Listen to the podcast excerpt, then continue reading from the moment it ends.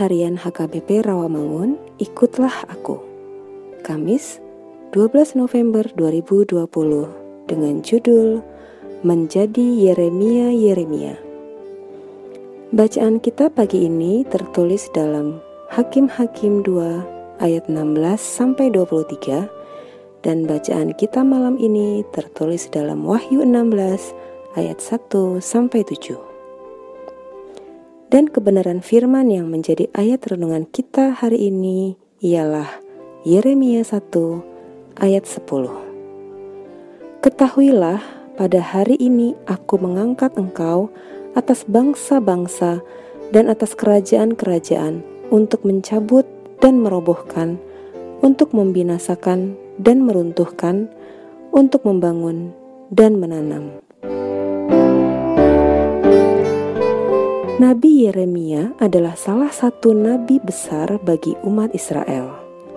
Yeremia telah dipilih Allah bahkan sebelum ia terbentuk dalam kandungan ibunya. Tertulis dalam Yeremia 1 ayat 5. Berita yang disampaikannya kepada kerajaan Yehuda adalah berita yang mengandung unsur-unsur hukuman dan pemulihan. Tugasnya sangat mencemaskannya karena dia akan berbicara kepada raja-raja dan tua-tua mengenai hukuman yang akan diberikan Tuhan kepada kerajaan dan bangsa-bangsa pada saat itu.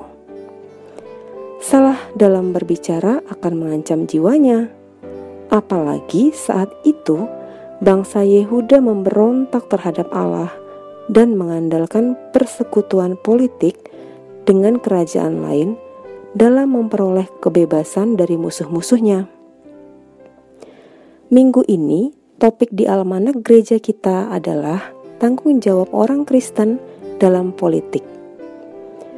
Pada tanggal 9 Desember 2020, negara kita akan menyelenggarakan pilkada serentak.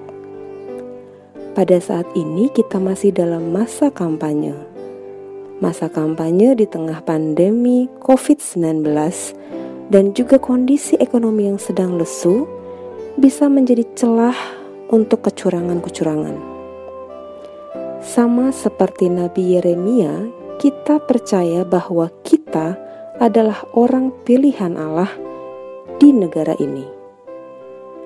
Tuhan menginginkan kita menjadi Yeremia-Yeremia di dalam kehidupan kita sehari-hari yang tidak takut menyatakan kebenaran Alkitabiah di mana pun kita berada dan apa pun peran kita di dalam masyarakat. Mari kita berdoa. Tuhan, beri kami keberanian seperti Nabi Yeremia untuk menyatakan kebenaran-Mu di tengah masyarakat kami. Amin.